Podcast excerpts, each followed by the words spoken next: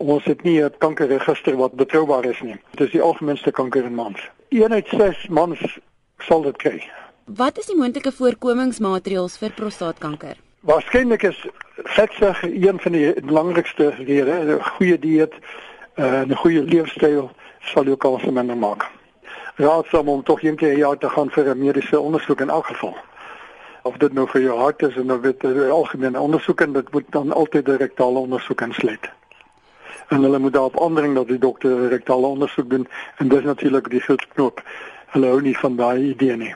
Is daar 'n spesifieke ouderdom wat mens kyk vir prostaatkanker? Dit is 'n siekte van ouer mans, maar die uh, raad wat ons gee is dat swart mans moet op 40 jaar ouderdom die eerste bloedtoets laat doen vir die PSA ander mans sal 45 maar as hulle familielid het 'n pa of 'n broer wat prostaatkanker het dan moet hulle dit ook op 40 begin.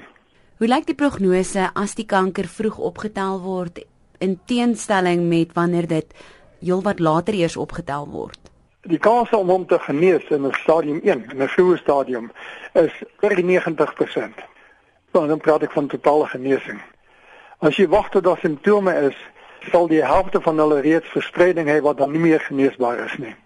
En die ander helfte sal ons waarskynlik maar so 70% genees. So dit beteken dat meer as die helfte is dan nie meer geneesbaar nie. Hoe weeg die bloedtoets en die rektale ondersoek teen mekaar op? Jy moet die twee saam doen. En hoekom ek so sê dat die toets is akkuraat maar omtrent in 80 tot 90% en 10 tot 20% is dit nie uh, sal dit nie akkuraat wees nie en daarom is die ondersoek nog steeds belangrik. Toe ek 'n student was, het hulle gesê as jy 'n pasiënt ondersoek, if you don't put your finger in, you're putting your foot in it.